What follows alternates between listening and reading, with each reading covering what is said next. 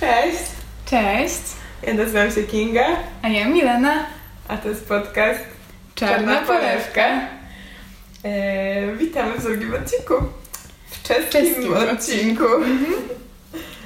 E, jeszcze zanim przejdziemy do mm, mówienia po czesku, to mm, krótkie wyjaśnienie, bo stwierdziłyśmy po ostatnim nagraniu, że e, będziemy Wam, bo ja tam powiedziałam mniej więcej skąd brałam historię, Milena nie, i stwierdziłyśmy, że będziemy Wam linkować em, Nasze źródła w...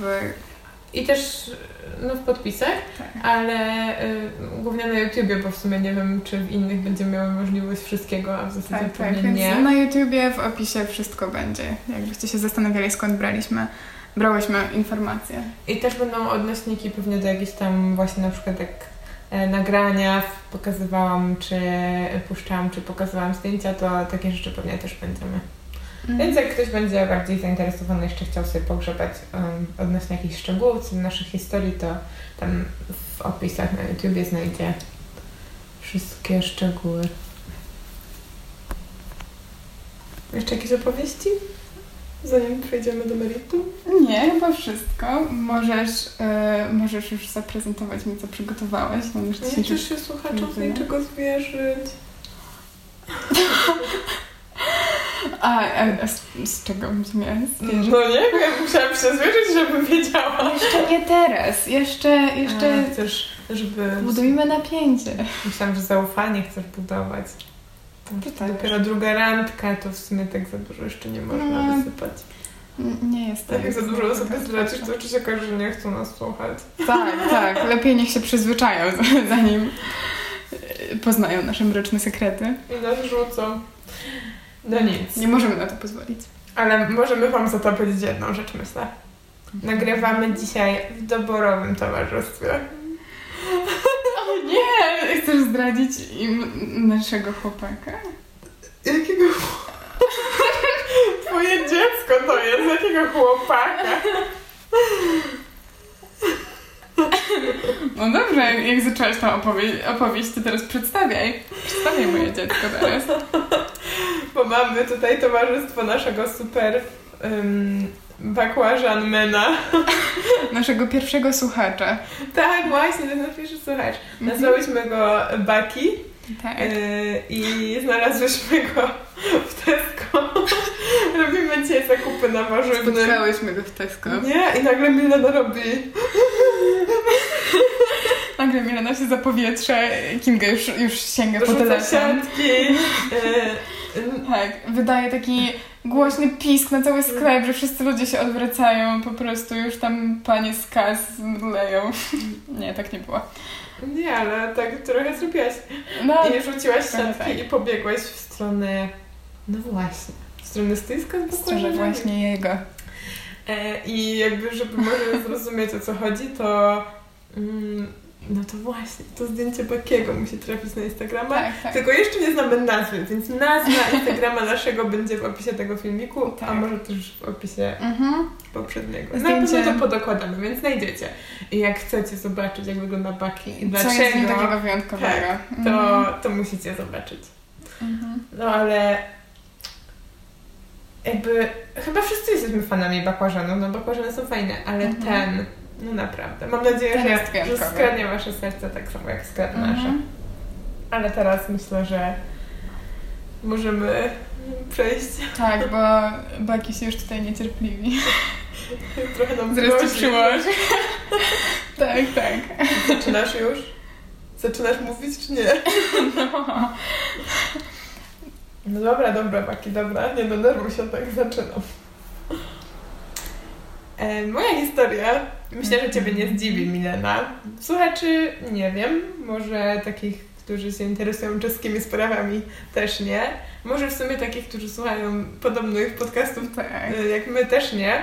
Dlatego, że, ale to na końcu powiem, gdzie jeszcze można znaleźć informacje na ten temat i, i są super przedstawione, więc nie wiem, czy ja Ci podołam. Ale ym, opowiem historię dzieci z Kurim, a opowiem ją dlatego, że po prostu jak powiedziałeś Czechy, no to no, sumienie mi nie pozwalało szukać niczego innego.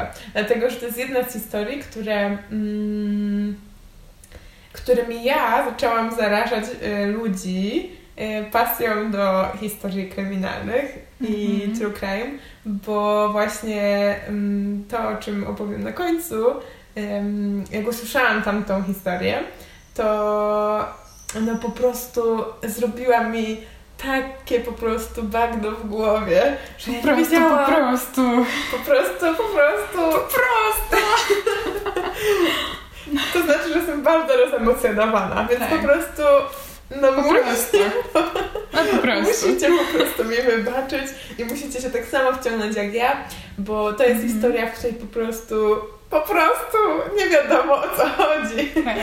I, i już kiedyś próbowałam ją komuś opowiedzieć, a nawet dwa razy, ale bez żadnego jakby przygotowania, tylko po prostu Po prostu tylko. Tylko po prostu próbować, to muszę powiedzieć. No ale tego się nie da tak po prostu. Tego się po prostu nie da. daj mi spokój, ja po prostu chcę mówić. No to mów po prostu. Mam nadzieję, że wiecie o co chodzi. A jak nie wiecie, to lepiej dla mnie. Okej. Eee, Jak próbowałam ją opowiedzieć bez jakiegoś większego przygotowania, no to jeżeli moi słuchacze ówcześni, czyli jakieś koleżanki, którym opowiadałam, znajomi, e, ogarnęli, co tam się działo, to ich pozdrawiam i podziwiam. Po prostu chyba. Em, no nie, jeżeli nadążyli w ogóle na tą historię, bo no sami zresztą zobaczycie. Zapinajcie pasy, lecimy z dzieciami z góry. Tak, ja, jak już pewnie się mogliście zorientować, ja tą historię już słyszałam. No Ale chyba nawet tak ja Cię opowiadam, nie? opowiadałam, opowiadam Mówiłaś o niej. mi o niej trochę, No. oczywiście. Bo, bo no właśnie, Ale ja dalej nie wiem, o co w niej chodzi, więc chętnie posłucham. Jeszcze raz. szczerze, Ty też nie nie chcę spoilować, ale nie wiem, czy się dowiemy o co chodzi. Nikt nie wie. Takie Ale- wszystkie historie, ale u mnie też trochę nie wiadomo. Ale przynajmniej się dowiemy, yy, co się stało. A dlaczego tak się stało, no to, to się może nie, nie wyjaśnić. A może się wyjaśnić. Zobaczymy. Historia dzieci z Kurim zaczyna się w południe 10 maja 2007 roku w miasteczku Kurim, które znajduje się pod Brnem.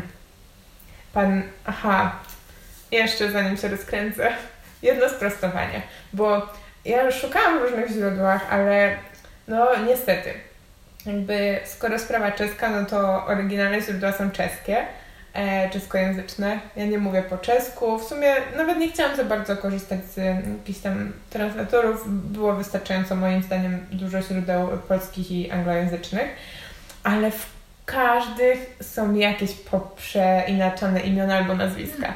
Więc jak czasem mi się zdarzy nazwać kogoś jednym imieniem albo drugim imieniem, tylko one będą podobne, ale to będzie to samo, no to z góry przepraszam. Albo jakieś nazwisko inaczej powiem raz tak, raz tak. To nie wynika nawet z tego, że ja bym chciała ich inaczej, albo nie wiem jak się wymawia i zdecydowałam się na 10 różnych wersji, tylko po prostu no, w różnych źródłach mm, różnie jest podawane, że ktoś się nazywał. Mm, no ale mam nadzieję, że to jakoś nie będzie bardzo utrudniało tego słuchania, bo już tak będzie trudno. I zacznijmy od pierwszego takiego imienia i nazwiska. Pan Edward Twardy, tylko że tam nie ma A, więc Twardy. Młody ojciec instaluje w pokoju swojego dziecka elektroniczną niańkę, żeby obserwować, czy maluch tam sobie śpi spokojnie. Bąbelek, czy śpi spokojnie. Mhm. Albo gówniak, ale to tak mówię na niego prawdziwa niańka. Na komputerze uzyskał w końcu obraz, no tam sobie sam był w stanie to podłączyć, no i właśnie włącza ten program do obsługi tej nęki, widzi obraz. No ale niestety, zamiast znajomego łóżeczka, na jego monitorze pojawia się jakiś twarz dziecka, jasnowłosego chłopczyka. W pierwszej chwili pan Twardy myśli, że to jest obraz takiej niańki może któregoś z sąsiadów, ale kiedy poza buzią chłopca widzi resztę pokoju i widzi, że widzi co tam jest, to orientuje się, że to jest coś więcej niż taki obraz zwykłej niańki. Chłopczyk jest brudny, pobijany, klęczy na podłodze i ma związane do tyłu ręce. No i pan Twardy ogląda ten film, no może kilka minut, nawet myślę kilkadziesiąt sekund, a w tym czasie chłopczyk pochyla się i zaczyna zlizywać z podłogi jedzenie, no coś, co tam jest. No i pan Twierdy już trochę ciśnienie mu skacze, dzwoni po policję, bo no, stwierdza, że jednak coś tu jest poważnie nie tak. I to jest dopiero początek. Ale mówmy się, to coś jest poważnie nie tak. Policjanci oglądają filmik z tej i yy, stwierdzają, że muszą przeszukać okolice, bo no, najprawdopodobniej ten chłopczyk jest w niebezpieczeństwie. I faktycznie chodzą od domu do domu, pukają, przeszukują kolejne domy z sąsiedztwa, aż wreszcie trafiają do jednego z okolicznych szeregowców, gdzie drzwi otwiera im 30-letnia e, Klara Mauerowa. Kobieta o okrągłych kształtach, troszkę taka pultniejsza, w okularach. Za nią stoi jej siostra, no właśnie Katerina, niektórzy mówią Katerzyna, więc Katerina, postaram się nazwać. O 4 lata starsza. W domu w tym momencie jest jeszcze dwójka dzieci. 10-letni Jakub i 13-letnia lub według niektórych źródeł 11-letnia Aniczka. Dziewczynka jest bardzo chuda, dość wysoka, nosi duże, niemodne okulary i tak trochę dziwnie się zachowuje. Tak na pierwszy rzut oka policjanci oceniają tę sytuację domową. Kobiety, zwłaszcza Klara, są zestresowane kiedy policja przeszukuje dom. Policjanci wreszcie, no, tak jakby pobieżnie pod domu nic nie znajdują, ale orientują się, że pod schodami są drzwi do piwnicy i za tych drzwi słychać ciche popiskiwanie. E, więc proszę, żeby otwarto drzwi, no, po jakichś tam lekkich przepychankach i kłótniach. Kiedy Klara odmawia stanowczo otworzyć drzwi, żeby otworzyć drzwi, policjanci wyłamują zamek Schodzą do piwnicy, a tam na brudnej podłodze wśród wymiocin znajdują chłopczyka z filmu, który ma usta zaklejone taśmą. Policjanci zabierają Klarę i Katerinę do aresztu, aby je przesłuchać. E, podczas przesłuchania okazuje się, że Katerina pracuje w domu dziecka Promyczek, w przedszkolu Promyczek w Brnie i wieczorowo studiuje muzykę. Klara z kolei w ramach wolontariatu pomaga wychowawczyniom w promyczku i studiuje pedagogikę socjalną. Okazało się także, że tylko chłopcy są dziećmi Klary Mauerowej i od rozwodu wychowuje ich sama. Natomiast Aniczka została przygarnięta dwa lata wcześniej, kiedy rodzice podrzucili ją na wieś do babci Klary. A może mamy? Ale chyba babci. Nie wiadomo gdzie są, ani kim byli rodzice Aniczki. Dziewczynka nie miała też żadnych dokumentów. Znała tylko swoje imię, nie znała w ogóle nazwiska, ani daty urodzin i stąd też właśnie później są różnice w wieku, bo e, Klara podawała później, że Aniczka mogła mieć wtedy 13 albo 14, 11, od 11 do 13 lat.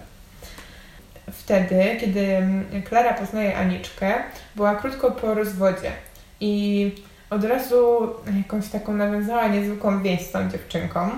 E, I wszystkim, którzy ich znali, wydawało się, że może spotkanie Aniczki to jest jakiś sposób na poradzenie sobie Klary z tymi trudami codzienności, ogólnie z tą sytuacją po rozwodzie. A jednak trochę ich dziwi, kiedy dowiadują się, że Klara postanowiła przygarnąć dziewczynkę.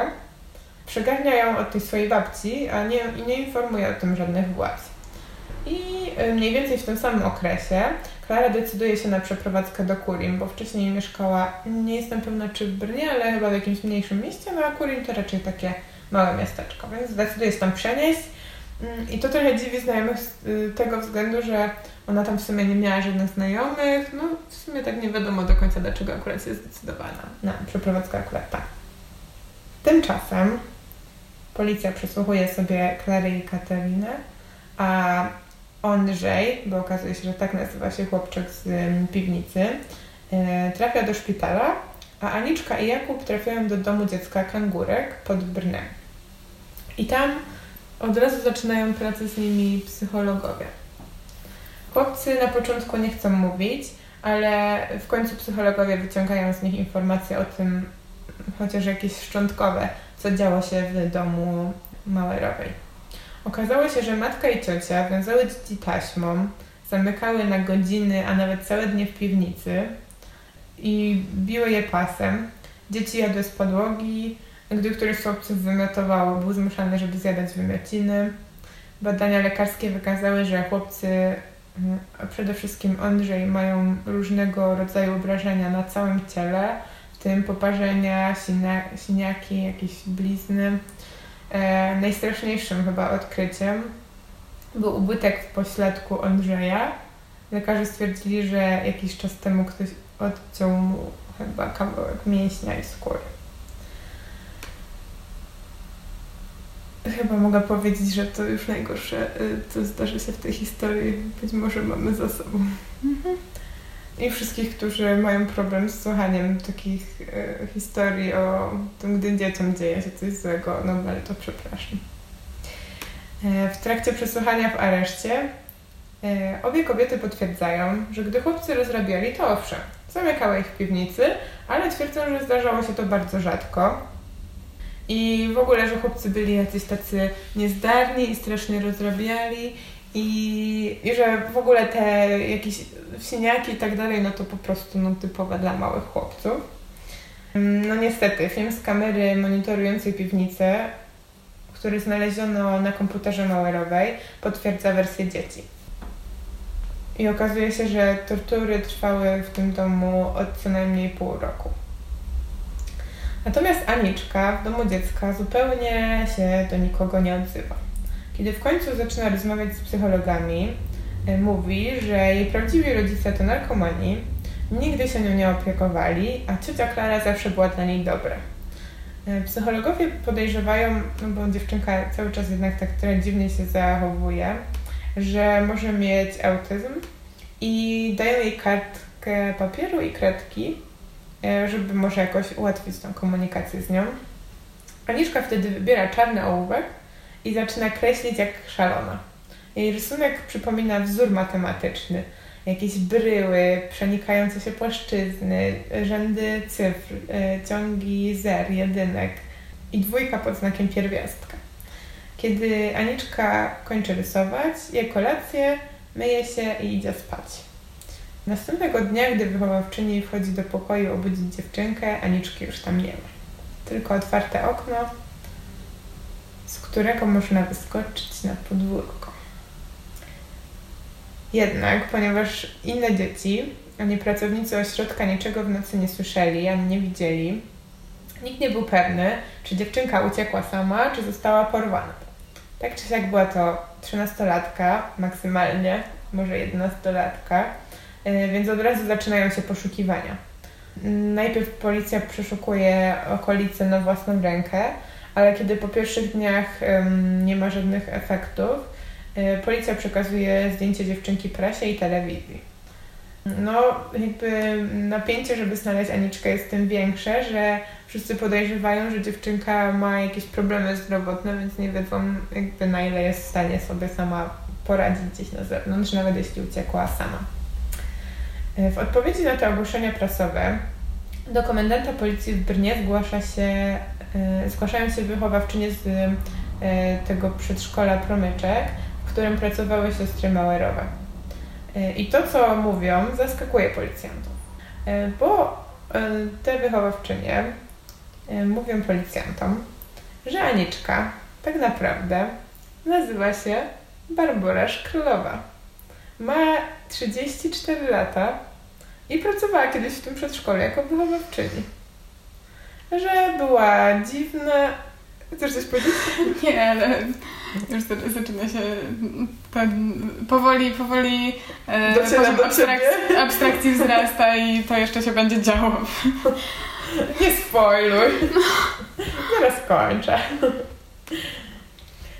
Była dziwna. Zamknięta w sobie, nie rozmawiała z nikim poza Kateriną, z którą zawsze się trzymały razem. To Katerina załatwiła jej pracę, tłumacząc, że Barbara potrzebuje pomocy, bo umiera na białaczkę. I nikt nie, nie dopytywał, no bo jednak nie wypadało. A kiedy kilka miesięcy przed tym zdarzeniem z um, odkryciem w piwnicy sióstr Mauerowych, e, Barbara znika z tego przedszkola bez um, żadnego słowa. Co ciekawe, Do dyskusji włącza się wtedy prezes sądu w Brnie, który twierdzi, że te zeznania to jest bzdura. Po kilka miesięcy wcześniej Klara wszczęła procedurę adopcyjną, w toku której Aniczkę badał biegły lekarz sądowy. I no nie ma mowy, żeby nie zauważył, że 11-letnia dziewczynka nie jest y, w rzeczywistości 34-letnią y, kobietą. Wtedy czeskie media, y, które dotąd informowały tylko o mm, tych chłopcach i o zaginięciu dziewczynki, no po prostu rzucają się na sprawę. No bo zadają sobie pytania, kim w ogóle jest ta dziewczynka? Czy to jest możliwe, żeby policjanci, opiekunki z tego domu dziecka, do którego trafiła, sędzia i jakiś tam lekarz nie rozpoznali przez cały ten czas dorosłej kobiety, a jeśli Aniczka to Barbora, no to tym bardziej, gdzie teraz jest. Mm, I, no i czy żyje. O co w ogóle chodzi? Tak. Dlaczego to zrobiła? Ale w zasadzie co zrobiła? I jaki jest jej udział w ogóle w tym, co się stało z chłopcami? No więc w poszukiwaniu odpowiedzi na te pytania, rysunek, który Aniczka wykonała w Kangurku, przedstawiono jednemu z czeskich matematyków. W Kangurku? Y, w tym domu dziecka. Taki, no, tam, to jest jakiś taki ośrodek, może nie taki typowo dom dziecka, ale taki właśnie pierwszej, pierwszego kontaktu no, okay. dla tych dzieci z um, takich rodzin właśnie toksycznych. No więc przedstawiają ten rysunek matematykowi, a mężczyzna stwierdza, że takie bryły to mógł narysować no co najwyżej 18-latek. Nie, co najmniej. Naj, co najmniej 18-latek. A już tam wszystko jedno, jakiś 18-latek. żeby to mógł być 18-latek, to powinien mieć sporą wiedzę o geometrii, no albo ewentualnie musiał być to mały geniusz, ale no raczej 13-latka przeciętna albo 11-latka nie bardzo. Czeska policja przyznaje się do błędu, ponieważ na początku uznawali, że jest to stosunkowo prosta, chociaż rzeczywiście niezwykle smutna sprawa przemocy w rodzinie, no to przeszukanie do domu zrobiono dopiero po tym, jak się udało uzyskać zeznania od chłopców i sióstr Mauerowych, czyli po około 10 dniach. Więc ogólnie ta sytuacja się działa dosyć szybko ze zniknięciem Aniczki, a w międzyczasie wyciągano te informacje i no i dopiero wtedy się okazało, że tam coś jest solidnie nie tak i dopiero wtedy niestety policja wpada na pomysł przeszukania domu, chociaż chyba to powinni zrobić od razu, gdy się udało Andrzeja no, uwolnić tak naprawdę. E, a w międzyczasie okazuje się, że ktoś z tego domu Zawiózł kilkanaście worków i kartonów przedmiotów. No, dom jest w zasadzie wyczyszczony z jakichś w ogóle charakterystycznych rzeczy. No i można przez to tylko spekulować, co w ogóle tam było, na co to były dowody, no bo skoro ktoś to posprzątał, to pewnie coś tam było. No niestety, policja się przyznaje do błędu i rozkłada ręce, a śledztwo staje w miejscu. No a skoro w Czechach sprawa stoi w miejscu, to myślę, że czas zmienić trochę scenerię i przeniesiemy się do Oslo. Bo tam w Oslo, w siódmej klasie szkoły dzielnicy Marienlyst uczy się okularnik Adam. Jest ulubieńcem pani dyrektor i innych nauczycieli. Imponuje im inteligencją, świetny z matematyki, pięknie gra na pianinie. Jednak chłopiec ma problemy z rówieśnikami. No, nawiązywanie z nimi relacji nie wychodzi mu tak dobrze. I mimo, że pochodzi z Czech, to nie chodzi tutaj o barierę językową, bo Adam jest po prostu takim nieśmiałym samotnikiem, często zaszywa się w bibliotece. W dodatku trochę dziwnie się ubiera. Nawet gdy jest ciepło, chodzi w czapce, od stóp do głów jakiś taki zakapturzony, z reguły te same ubrania, ubrany, czerwoną bluzę, kolorową czapkę i dresowe spodnie. A do tego E, ma mały plecak, plecaczek taki jak dziecko z przedszkola, a nie taki plecak jak dzieciaki normalnie do szkoły. Nie jakiś tam Bartonik, tylko jakiś taki plecusie. E, jego ojciec tłumaczy wszystkim, że Adam ma poważną chorobę skóry i musi unikać słońca, no bo umówmy się, w Oslo w sumie jakichś takich wielkich temperatur chyba nie ma, ale mimo to ludzie są trochę podejrzliwi, no bo no sam fakt, że na przykład ktoś e, cały czas trzyma zasłonięte rękawy, no to u nastolatków już może budzić jakieś mm -hmm. dziwne podejrzenia. No ale tak jak mówię, ojciec Adama tłumaczył to właśnie chorobą, a ojciec Adama razem z Adamem e, przyjechał do Oslo pół roku wcześniej. Mieszkali sobie w małym drewnianym domku w dobrej dzielnicy, na wyspie Nesodden, z której do centrum płynie się 10 minut promem. W ogóle brzmi jak fajna miejscówka. No i ten tata Adama nazywa się Martin Farer i jest czeskim znanym dramaturgiem. A przenieśli się do Norwegii, bo poszukuje inspiracji, ponieważ pracuje właśnie nad kolejną sztuką. I pewnego dnia na zajęciach plastyki w szkole Adam robi taki dziwny rysunek. Rysuje siedem małych ludzików, a pośrodku jedną dużą, a wokół nich wszystkich... Jedną dużą ludzikę? Jedną dużą ludzie, no. Jedną dużą postać. Mhm. Może to nie są w sumie ludziki, jakieś tajemnicze postaci. Tak. Więc jest ich siedem małych i jedna duża. A wokół nich na całej kartce są czerwone plamy. No i ta dyrektorka, która gdzieś tam sobie tego Adama jako oczko w głowie wypatrzyła, prosi go o wyjaśnienie tego obrazka. A Adam wtedy mówi, że te małe dzieci, te małe postacie to dzieci, ta duża to dorosły, a te czerwone to plamy krwi. Dzieci nie mają imion, mówi pani dyrektorce Adam, tylko numery. I na rysunku jest też on. I on ma właśnie numer 7. No, dyrektorka tak słucha i nie wie o co chodzi, tak samo jakby i ja. Ale jest trochę zaniepokojona. I zaczyna sobie coś podejrzewać, no bo tutaj jakieś w ogóle dzieci, plany krwi, ten chłopczyk taki jakiś wycofany, jeszcze cały taki wyubierany, no coś musi, nie chce chodzić na WF w dodatku, więc stwierdza, że no przynajmniej Adam powinien porozmawiać z psychologiem. I rzeczywiście wzywa do szkoły psychologa i po długich rozmowach psycholog wyciąga z Adama jego historię. Adam mówi, że wszystko zaczęło się jeszcze w Czechach. Ojciec oddawał go różnym znajomym panom, e, którzy kazali mu robić różne straszne rzeczy. Adam wie, że to jest straszne, bo wie, co to jest seks, niestety, i dorośli nie powinni do niego zmuszać dzieci, no ale niestety on padł jakby tego ofiarą. Mówi, że tata brał za to pieniądze od różnych mężczyzn, a kiedy Adam był niegrzeczny, tata zamykał go w piwnicy, na golasa, że wiązał go taśmą, że był bity. Yy, I w tej piwnicy dostawał jedzenie na podłogę i musiał jeść jak pies. 18 grudnia policja zatrzymuje Martina Farrera na przypomnienia taty Adama. Yy, dramaturg słyszy zarzuty maltretowania dziecka i sutenerstwa. Podczas przesłuchania nie odpowiada na żadne pytanie. Adam tymczasem trafia do domu dziecka pod Oslo, no, czy tam kolejnego punktu pierwszego kontaktu, tylko tym razem pod Oslo i tym razem Adam. No i Adam tam nie rozmawia z nikim, zjada kolację, myje się, idzie spać, a rano, gdy wychowawczyni idzie go obudzić, no to nie ma go już. Nikt niczego nie słyszał, ani nie widział, oprócz ulicznej kamery, która rejestruje, że Adam e, nad ranem wychodzi z budynku, na chodniku czeka e, na niego samochód, Adam wsiada, no, jako tam pasażer, nie kierowca, i samochód odjeżdża. Następnej nocy ktoś widzi Adama w Bergen w samochodzie, jakby w wypożyczalni samochodów, dwóch mężczyzn mu towarzyszy, właśnie oni wypuszczają samochód, no i ktoś tam widzi Adama, przynajmniej tak zeznaje policji. I policja y, przypuszcza, że no, w całą sprawę może być zamieszana jakaś siatka pedofilów, więc w poszukiwania Adama angażuje się cała Norwegia. No tak jak mówiłam, aresztowanie pana Ferrera było gdzieś tam w drugiej połowie grudnia, a tutaj mijają święta, nowy rok, Pan Martin siedzi w więzieniu i wciąż nie odpowiada na żadne pytania.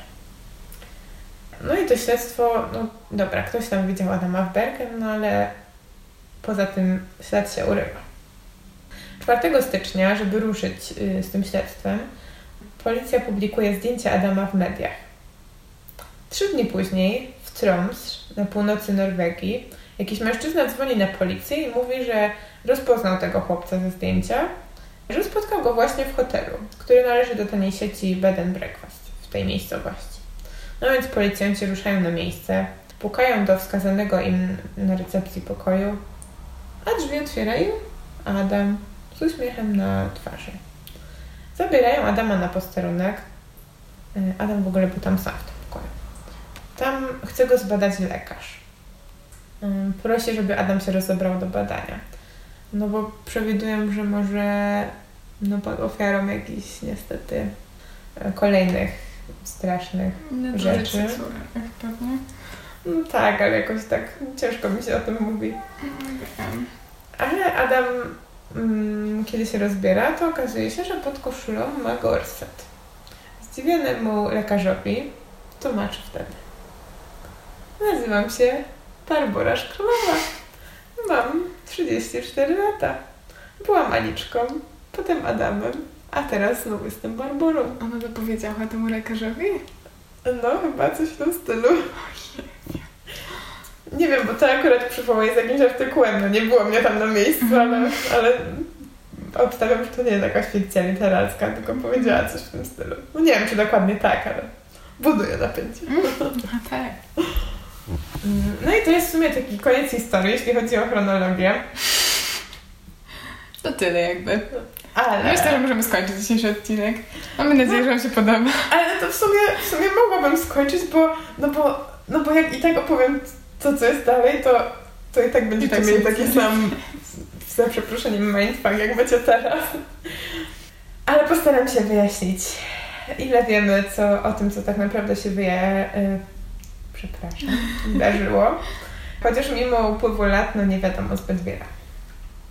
Po pierwsze, ten lekarz sądowy w czasie sprawy adopcyjnej nie mógł stwierdzić, że Aniczka ma 34 lata, bo na badanie lekarskie Klara Mauerowa przyprowadziła nie Barborę, czyli Aniczkę, tylko 11-letnią córkę znajomego, pana Wiktora Skali, który był znanym czeskim aktorem teatralnym.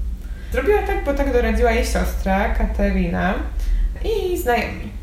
A wśród tych znajomych były m.in. takie osoby jak pani Anna Szabatowa, żona sławnego czeskiego opozycjonisty, e, która w czasach komunizmu była więziona i prześladowana przez czechosłowacką bezpiekę, a po upadku komunizmu była zastępcą czeskiego rzecznika praw obywatelskich. Czyli w momencie, gdy ta historia się dzieje, to pani jest zastępcą czeskiego rzecznika praw obywatelskich, więc nie byle jakie towarzystwo. Kolejnym znajomym jest pan Jakub Patoczka, były lider Partii Zielonych i redaktor naczelny, naczelny gazety Literarne Nowiny. No i też znajomym tutaj e, sióstr Mauerowych był dramaturg Martin Farrell, którego już pewnie kojarzycie, bo, bo był to tata Adama, czyli znowu Barbory w innym wcieleniu. Historia Farrera skończyła się tak, że spędził dwa miesiące w norweskim więzieniu, gdzie niczego nie wyjaśnił, w ogóle się tam chyba nie odzywał, ale uwolniono go z zarzutów maltretowania syna, no bo się w końcu okazało, że nie ma jest, syna. Tak, e, ma syna, ale, ale nie jest nim Barbara i najprawdopodobniej go nie maltretował. E, no w każdym razie ten jego syn okazał się dorosłą kobietą i nie było żadnych dowodów, więc go wypuścili. No, widząc te koneksje i niestworzone historie, wszyscy zaczynają się zastanawiać, czy to całe towarzystwo, no to nie jest, skąd oni się w ogóle wzięli taka grupa. No więc czeskie gazety dotarły do źródeł potwierdzających, że wszystkie te osoby e, są związane z tajemniczym ruchem Grala, czyli taką sektą, której podobno głównym założeniem jest życie w jedności z naturą. Chociaż nie wiem, co ono ma wspólnego z znęcaniem się nad dziećmi i udawaniem innych ludzi. No ale takie jest to założenie. Jej członkowie podobno wierzą, że choroby można leczyć za pomocą dobrych uczynków. Tylko chyba jakoś tego nie praktykują. Ale wierzą. sami przy okazji po prostu. A może po prostu trzeba kogoś skrzywdzić, żeby móc na niego wyrządzić coś dobrego? Może. Jest za mało ludzi potrzebujących dobrych uczynków na świecie. Najwyraźniej. No i ten ruch Grala no zawsze traktowano do tej pory przynajmniej jako takie, no jakieś takie dziwactwo, jakiś tam intelektualistów, taki jakiś hipsterski kult. No ale kiedy się okazuje, że on ma jakieś połączenia z tą dziwaczną historią, to, no, wszyscy się jeszcze bardziej tym interesują, bo dawniej to oni tam kultowali się tam spokojnie, a tutaj nagle wszyscy chcą wiedzieć o co chodzi. No a co na to sami członkowie? Kiedy w toku była sprawa chłopców i poszukiwania Barbory, redaktor um, Patoczka, czyli ten um, były członek, um, były lider Partii Zielonych, w ogóle odcina się od sióstr Mauerowych. Wydaje oświadczenie, że czuje się oszukany przez nie. Nie wiem w sumie w jaki sposób, czuje się oszukany. Ta pani Szabatowa, czyli ta rzeczniczka, zastępca rzecznika praw obywatelskich zapewnia, że ona w ogóle nie wiedziała, że Barbora nie jest Aniczką. Ona tylko znała te siostry jako członkinie tego ruchu i, i wiedziała, że jedna z nich ma Aniczkę adoptowaną i tyle. A ten aktor, Wiktor Skala, zapada się pod ziemię. Nie przychodzi do pracy, nie odbiera telefonu. Nie wiadomo co z nim. Natomiast po wyjściu z więzienia wreszcie odzywa się pan dramaturg. Udziela wywiadu jednemu z norweskich dzienników i mówi tam m.in. o Barborze.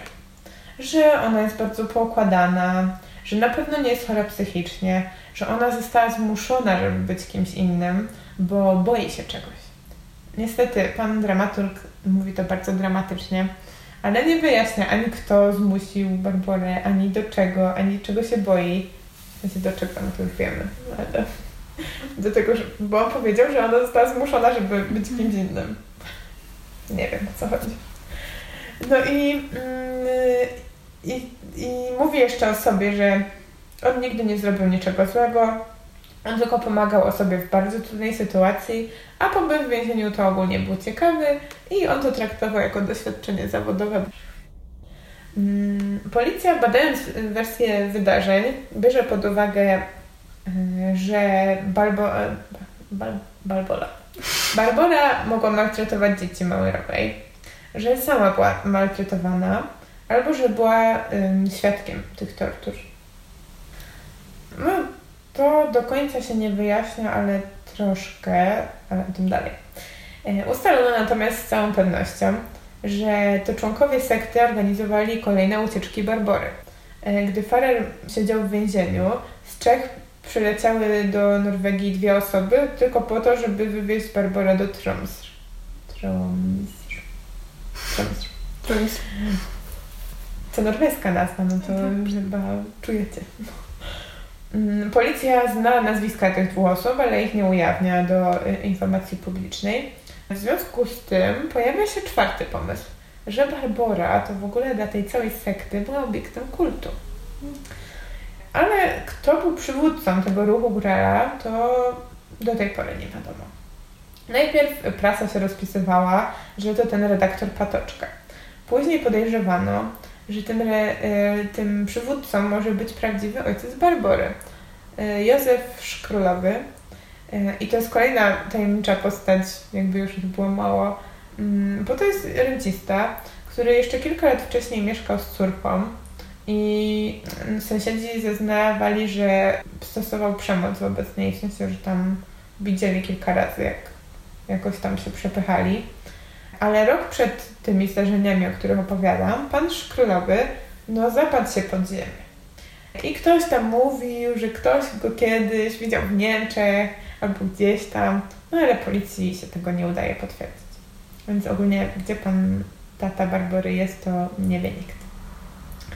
No i w zasadzie nie wiadomo też, jakie były praktyki sekty, bo nie wiadomo, czy maltretowanie dzieci to był rytuał tych członków, czy uczestnili w tym wszyscy razem, czy może po prostu to te siostry się znęcały nad tymi dziećmi swoimi. Ale chyba największą niewiadomą w całej tej historii jest nie sekta, a sama Barbora. Ona sama w jednym z wywiadów po wszystkich zdarzeniach twierdzi, że osobowość Daniczki, yy, Daniczki, Aniczki stworzyła już dawno temu, bo nie potrafiła się przystosować do dorosłego życia. Więc y, mówi dziennikarzom, że w, ten, w tę dziecięcą osobowość często ucieka i żyje w niej. I to nigdy nie był dla niej problem, żeby prowadzić obydwa życia, jako Aniczka i jako Barbora.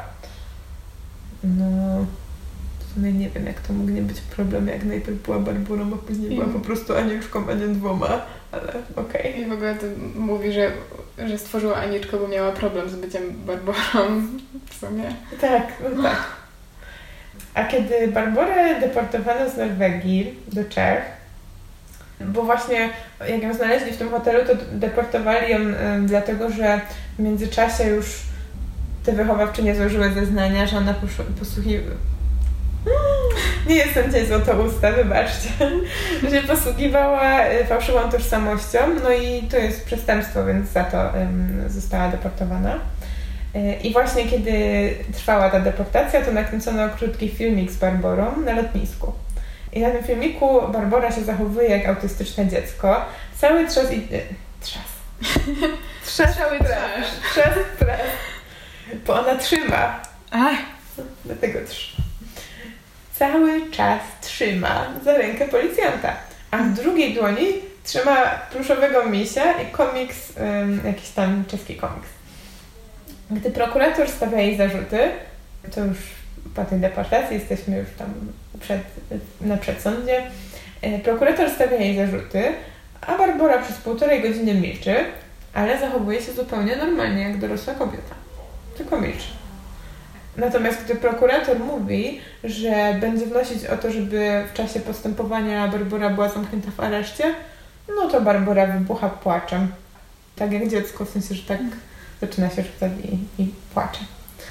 A kiedy zaczyna się postępowanie w sądzie, to w czasie rozprawy, gdy sędzia próbuje zadawać pytania, Barbara nie odpowiada nic, tylko wierci się na swoim krześle i śmieje, jak dziecko. A kiedy sędzia mówi, że no niestety y, będzie w czasie postępowania w areszcie, bo jest też świadkiem w sprawie o torturowanie dzieci, bo jakby za samą kradzież tożsamości chyba nie wsadziliby jej do aresztu, mhm. tylko przez to, że była świadkiem i bali się, że ucieknie, no bo... No tak, już to się zdarzało. Tak, no to sędzia postanawia ją aresztować, więc się zatrzymać w areszcie. Wtedy Barbara znowu się rozpłakuje. I wtedy wszyscy zaczynają się już zastanawiać tak poważnie, czy Barbara jest w ogóle poczytana i czy może być świadkiem i czy może zeznawać tej swojej sprawie, czy w ogóle może odpowiadać za tą kradzież tożsamości. Ale Barbara wtedy odmawia e, wykonania badań.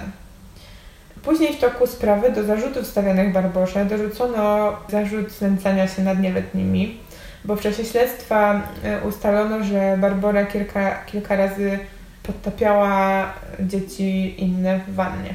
Tych swoich przyrodnych braci w czasie, gdy była Aniczką. I w zasadzie tyle jest ustalone. Mm, innych form jej agresji względem chłopców nie ustalono i z tego co pamiętam to gdy chłopców przesłuchiwano zaraz po tym, gdy jeden z nich trafił do szpitala, drugi do domu dziecka, to oni zawsze jakoś tak bardzo pozytywnie się wypowiadali o Barborze jako właśnie takiej starszej siostry, że ona jakby była taka po ich stronie, no tak przynajmniej kojarzę. Nie znalazłam w tym zakresie wystarczających źródeł, ale z tego co rozumiem, to Barbara nie została poddana badaniom lekarza sądowego, takim na stwierdzenie właśnie, czy ona może mm, sama odpowiadać, jakby czy jest poczytalna. Mm -hmm. E, tylko była diagnozowana przez psychologów, którzy na różnych etapach sprawy pracowali z nią właśnie wtedy, gdy była tym dzieckiem i w domu dziecka i jak była Adamem i gdy była w więzieniu. I co ciekawe, nie stwierdzili oni chorób psychicznych ani niepoczytalności, a została zdiagnozowana jako osoba o silnych zdolnościach do manipulacji otoczenia. I tutaj jeszcze kojarzę, że y, też diagnozowane były pod kątem takiego profilu psychologicznego y, siostry Mauerowe. I okazało się, że Klara Mauerowa chyba jest osobą jakiejś takiej niższej niż przeciętna inteligencji, y, ma problem z jakby z samodzielnością i radzeniem sobie jakby z samodzielnym rozwiązywaniem problemów. I szuka takiej osoby jakby do naśladowania, a z kolei Katerina była mm, no, tą przewodnią siostrą, bo miała taką przywódczą naturę i, i lubiła mm, wysługiwać się innymi. Klara Bauerowa i jej siostra Katerina zostały skazane odpowiednio na 9 i 10 lat pozbawienia wolności. Co ciekawe, Klara podobno dopiero w areszcie dowiedziała się o tożsamości Barbory. Że podobno ona y, faktycznie uważała, że to jest Aniczka i nie wiedziała, że to jest ta Barbora.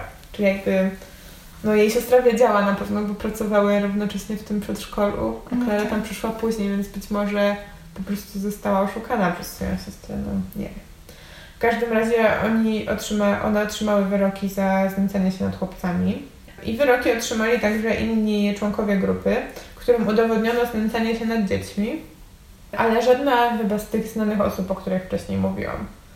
Bo tam w ogóle jeszcze było dużo osób zamieszanych w tę historię i yy, z tego co pamiętam, to bo okazało się, że ta grupa znęcała się nie tylko yy, nad synami Mauerowej i że nie tylko Mauerowe się znęcały nad nimi, tylko no jednak chyba to było, była jakaś forma tego, nie wiem, kultu dla nich czy coś, czy, czy jakieś ich obrzędy, bo najprawdopodobniej znęcali się także nad innymi dziećmi, które uczęszczały do tego przedszkola promyczek. Mhm. I jedna z skazanych osób była właśnie przedszkolanką tam wcześniej.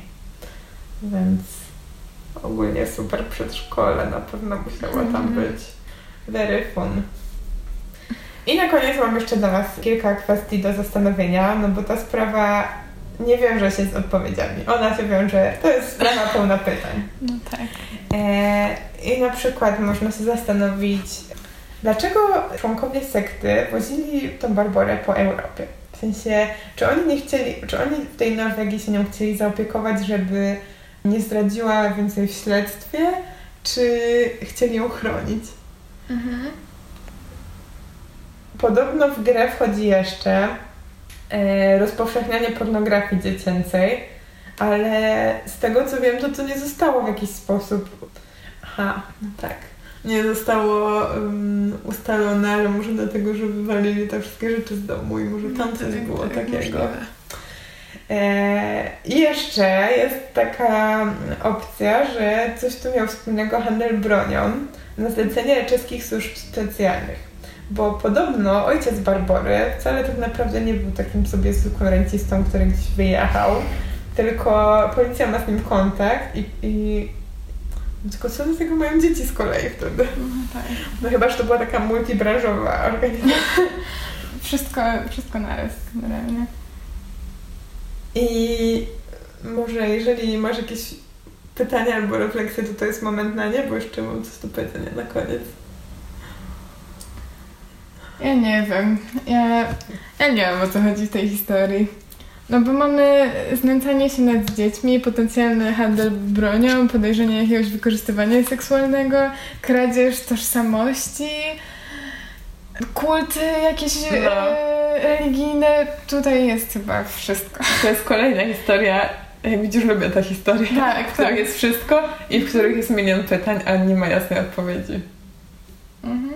Tylko z tymi sprawami zbrodni to z reguły nie masz takiej pewnej odpowiedzi. Przecież u Ciebie było tak samo, nie było wiadomo, które były ofiarami ja teraz, kogo. Ja teraz będę miała trochę więcej odpowiedzi okay. dla Was. Ale, ale, żebyście się na mnie nie złościli, chociaż obstawiam, że części z Was też się podobają takie zwariowane historie, y, to mam dwie rzeczy do powiedzenia. Pierwsza to taka, że przynajmniej oficjalnie w tej historii nikt nie zginął, więc tak naprawdę to, no wiadomo, no chłopcy przeszli mhm. straszne rzeczy, ale może wbrew pozorom jest mniej koszmarna z wielu tych historii, które będziemy Wam opowiadać. Mhm. E, a druga mm, informacja, jaką dla Was mam, to taka, no dobra, to Was może trochę mniej uspokoi. Od 2018 roku wszyscy zainteresowani są już na wolności. No bo ta sprawa się toczyła 12 lat temu. No to niezłe pocieszenie. Ale nie, ale nie, bo, bo zakończę y, dobrym słowem. Mhm. Słowo na niedzielę. Że... Nie, dobra, jeszcze jedno złe. Nie wiadomo, co się dzieje z Barborą, bo ona no, wyszła z tego więzienia, bo no. ona tam w sumie była chyba jakoś krótko skazana. Wyszła i nie wiadomo, czy jest Każda nas może być Barborą w tym momencie po prostu. Kurde. Wszyscy mogą być Barborą. Nie, bo ja Cię widziałam, jak byłaś małym groszkiem, więc no, nie no jesteś no dobra, Barborą. Dobra. Ale Ty nie wiesz. Nie, Ty byś nie mogła uchodzić za jedenastolatka. No ale to było 10 lat temu. temu. Kurczę. Dammit. Nie, ja byłam... Niczego nie możemy być pewni. Ja myślę, że Barbora była Kubą rozpruwaczem. Myślę, że jest pewnie reptiliakiem. Oczywiście, że tak. I należy do Illuminati. Okej. Okay. Na pewno. No, na bank. To jest taka historia, że jakby proponowane rozwiązania są na tyle zwariowane, że możemy dorzucić i tak. tak, tak. Ale to dobre słowo, które dla Was mam, to że wiadomo na pewno, że Andrzej i Jakub są dorosłymi mężczyznami, prowadzą normalne życie i chyba udało się im poradzić z traumami z dzieciństwa. Dobrze. No, to dzisiaj ja miałam ciężkie dzieło. Ciężkie dzieło. Ciężkie dzieło uczyniłam. Wymalowałam. Spod mojego Swoimi słowami. Tak, moimi złotymi. Dzisiaj naprawdę jestem dumna, że jestem dzisiaj taka złotousta. A teraz kolej na ciebie. Słyszałaś o Iwanie Rubalu? Nie. Chyba To nie. Idealnie. Ale nie, muszę się dowiedzieć, bo ja nie jestem beznadziejna w imiona. No tak, I w tak. nazwiska Tym jeszcze tamtym, gorsze. Tym, tym. Tak. O, o tym, o tym słyszałaś? No dopiero się dowiem. Tak, zobaczymy. Dobrze. Zatem, Iwan Rubal, e, i może od razu tutaj też zaznaczę, że ja co prawda nie mam jakichś różnic, jeśli chodzi o to, jak brzmiały imiona w zależności od źródła, tylko w jednym miejscu mam coś takiego, ale i tak nie wiem, jakie wymawiać, więc, więc pewnie i tak e, wyjdą tutaj jakieś dziwne rzeczy. Dlatego wybrałeś czeską historię, żebyśmy musiały się trochę Tak. pomęczyć. Dlatego, żeby, żeby od, żebyśmy sobie od razu narobiły wstydu i żeby już potem nie było zbyt wysokich oczekiwań. Idealnie. Prawda?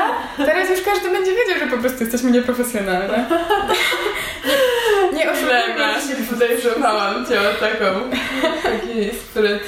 To jest grubsza taktyka. No. Dobra.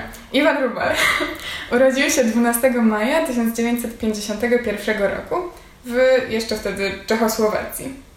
E, Jego ojciec rzekomo pracował dla wywiadu, łamiąc jakieś wojskowe szyfry, a matka była nauczycielką. Ej, to może jego ojciec znał się z ojcem Barbory. Może Mm, współpracowali przy tych oni wszyscy Szmuglowaniu znali. broni.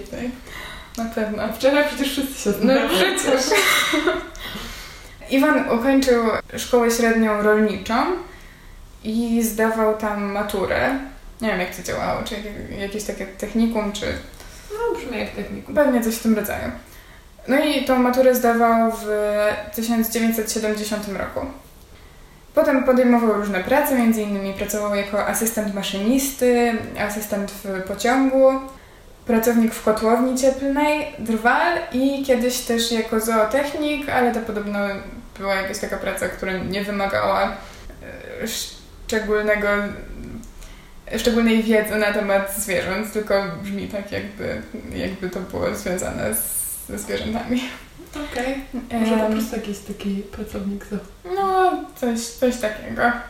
Potem w 1973 roku ożenił się. Rok później urodził się jego pierwszy syn, a kilka lat potem drugi. No i na razie mamy w zasadzie takiego jakiegoś, takiego przypadkowego Iwana. Przyjemna historia. Tak, to by... do czasu. Potem, pod koniec lat 80. ubiegłego wieku, pracował krótko dla Świadków Jehowy i to prawdopodobnie wyglądało tak, że on był zaangażowany w religię, był jakby członkiem wspólnoty Świadków Jehowy i przy okazji jakoś e, źródła podają, że pracował dla nich, nie wiem co on tam robił. Natomiast... No wiesz, to tak podobnie jak w fundacjach czy różnych Mhm. takich, masz pracowników też normalnych, Pewnie coś, coś takiego. no bo papierki i tak dalej. Mhm, możliwe.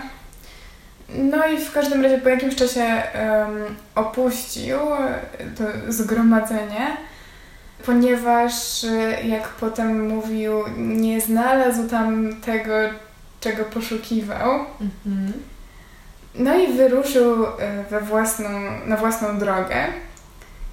I tutaj możemy już, e, już spotkać w źródłach, że, że on wyruszył zbudować swój własny kult i poświęcił się mistycyzmowi i okultyzmowi. Natomiast ja nie wiem, tego mistycyzmu i okultyzmu nie ma jakoś tak ogromnie dużo w tej historii, moim zdaniem. Okej. Bo nie mamy w zasadzie... Ale już mnie zainteresowałaś. Nie, ja... Ciężko powiedzieć, co on takiego robił. Chyba tylko po prostu sobie myślał o mistycznych i okultystycznych rzeczach. Okej. Ja nie wiem, nie wiem. No, Był swoim wyznawcą. mo- możliwe, możliwe. albo sobie po prostu zrobił dla siebie jakąś własną religię. I tam, nie wiem, jakichś kolegów ewentualnie byli zainteresowani. Nie wiem, nie wiem na czym to polegało. W każdym razie jego w ogóle jakaś wielka przemiana z tego, z tego przypadkowego Iwana Rubala, który tam sobie ma żonę, dwójkę dzieci i pracuje jako jakiś asystent maszynisty, zaczęła się w zasadzie w 1991 roku, kiedy to wynajął taką jakąś starą chatkę, coś w rodzaju gospodarstwa w pobliżu Ciachrow. To jest na południowym zachodzie Czech i był to taki dom, takie w zasadzie stare, tradycyjne gospodarstwo, w którym Iwan planował początkowo hodować jelenie, ale okazało się, że nie dostał pozwolenia od władz, więc zaczął hodować tam drób, świnie i konie. I do tego jeszcze przejdziemy później. Gospodarstwo to stało na uboczu, było dość daleko od, od wszystkich jakichś takich pobliskich domostw. I na początku, w zasadzie w momencie, kiedy Rubal je wynajmował, nazywało się Christuchow, co można tłumaczyć jako dwór Chrystusa. Mhm. I to, to tutaj trochę dodaje smaczku tej historii. Mhm. Natomiast później sam Rubel zmienił nazwę tego gospodarstwa na Bajka. Czyli tam chyba pochlatka czy coś takiego w oryginale. I w okolicznych tam domostwach w tej wsi otaczającej te okolice, gdzie, gdzie właśnie mieściła się bajka, krążyła taka legenda, według której jakaś kobieta, która w XIX wieku była uważana za czarownicę, mieszkała gdzieś tam niedaleko i została ukamienowana. I jakoś e, wydając ostatnie tchnienie, przekleła to domostwo, w którym właśnie zamieszkał Rubel. I potem podobno zdarzały się jakieś przypadki, gdzie osoby, w których osoby mieszkające tam po y, momencie tego rzekomego przeklęcia mhm. albo mm, podobno osoby mieszkające tam popełniały samobójstwo, albo traciły zmysły, albo jedno i drugie. Czyli po prostu przeklęty dom. Tak, tak. dom. Ale jakichś konkretnych imion i nazwisk tutaj nie mamy, więc ciężko w ogóle powiedzieć na ile to jest taka sobie opowieść, na ile fakty. No i podobno mieszkańcy tam tej wioski omijali domostwo szerokim łukiem. I już w momencie, kiedy prowadził się tam Rubal, on zdarzało się oczywiście, że mm, musiał się udawać do tej wioski, żeby tam robić jakieś zakupy czy sprowadzać do domu potrzebne rzeczy. I podobno jeździł tam wozem y, zaprzęgniętym w konie, czy też jednego konia bo na początkowo miał dwa konie, ale tam niektórzy miejscowi podają, że pewnego dnia zabił jednego ze swoich koni. Tak po prostu. I ciało tego konia potem leżało przez jakiś czas koło, koło jego domu, a, a potem jakoś zniknęło. Okej. Okay. I mamy też taką informację, że te świnie, co on hodował, e, no bo hodował tam drób, świnie i konie, i te świnie podobno, podobno były jakimś takim jego łącznikiem ze światem duchowym i pomagały mu podczas jego medytacji na łonie źle. natury. To brzmi bardzo źle. No cóż. Nie wiem, nie wiem jak to na niego działało. Chyba nie za dobrze patrząc na to, co się wydarzy. Ogólnie, w ogóle mieszkańcy tej, tej wioski chyba nie za bardzo go lubili. To znaczy, bo ale też... A ja mam tylko jedno pytanie, bo on zostawił gdzieś tam swoją rodzinę. Nie, właśnie tutaj jest jeden z moich jakby największych problemów z tą historią, ponieważ w zasadzie to ten fakt, że Iwan Rugol miał jakąś rodzinę, będzie jeszcze podnoszony tylko w jednym momencie tej historii i tutaj to by wskazywało na to, że ta rodzina jakby mieszkała z nim w tym gospodarstwie. Mm.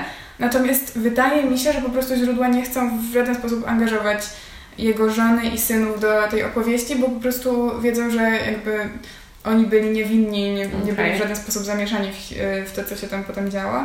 Więc myślę, że po prostu oni jakby są persona non grata w tej w żaden sposób nie są tak mieszani w tą historię, bo mi Albo niestety raczej nie... incognito. Tak, tak. E, mi się nie udało... non grata to czujesz jednak pan Rubel. No, No never mind. Odpowiadając na moje pytanie, raczej tam mieszkali. e, przynajmniej, na, przynajmniej przez jakiś czas Okej. tam mieszkali. Co się z nimi działo, ja naprawdę nie wiem. Okej. Chciałabym wam powiedzieć, ale, ale nie wiem, co się Ale działo. I myślę, że, że, że nie jest nam to jakoś szczególnie No potrzebne. nie, nie, Dlaczego tylko się zastanawiałam, czy on taką samotnie sobie tam urządził. Nie, właśnie, na pewno prze, przez jakiś czas wydaje mi się, że tam mieszkali. A potem to, no nie wiem.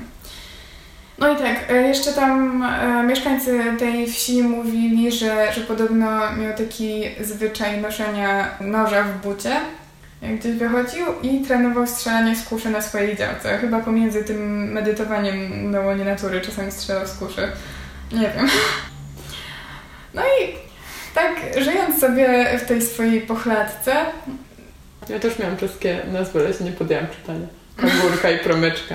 Ale te śmieszkowe nazwy coś źle wróżą, więc już się boję. Tak, tak.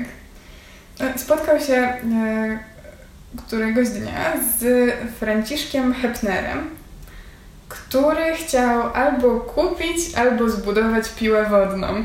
I to jest w ogóle jakaś dziwna historia, bo tam w pobliżu nie było podobno żadnych większych zbiorników wodnych. Ale piłę?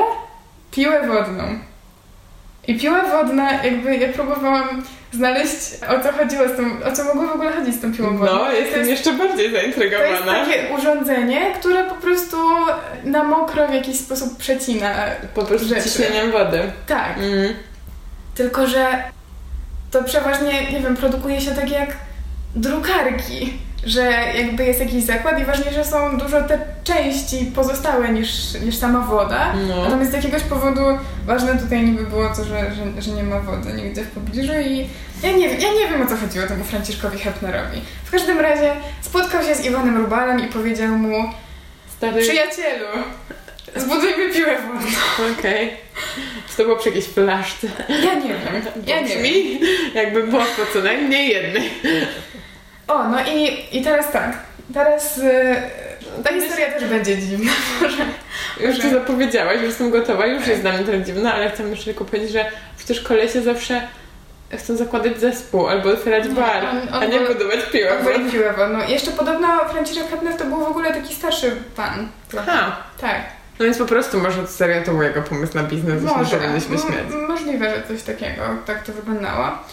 No i mamy też taką historię, że w zależności od tego, z, jakiego, do jakiego źródła sięgniemy, albo Iwan Rubel przez jakieś e, mm, ogłoszenie w gazecie, albo jakieś, w jakiś sposób e, zaprosił jakąś e, kobietę z Rosji, żeby przyjechała i zamieszkała w, w jego bajce, żeby sobie wynajmowała tam jakiś, jakiś pokój czy coś.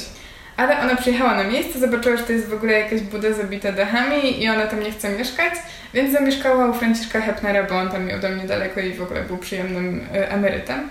Natomiast drugie źródła podają, że ona w ogóle, że ta Rosjanka znała się z Franciszkiem Hepnerem wcześniej niż poznała Iwana Rubala i była w ogóle jego dziewczyną. Mhm. I w zależności od tego też, gdzie o niej czytamy, miała na imię albo Olga, albo miała na imię Natasza, albo nikt nie wie, jak miała na imię. Może były jakieś dwie różne, jedna była dziewczyną, jedna była nieznajomą. Ja nie wiem, ja nie wiem. W każdym razie, w każdym razie A może pewnego miała- dnia, Olga, mówili na nią Natasza, tak to się czasem zdarza. a Albo na niektórzy nie wiedzieli, jak ma na imię. No, w każdym razie pewnego dnia z- zniknęła. Razem z Franciszkiem Hepnerem. Hmm. I nie było wiadomo, co się z nimi stało.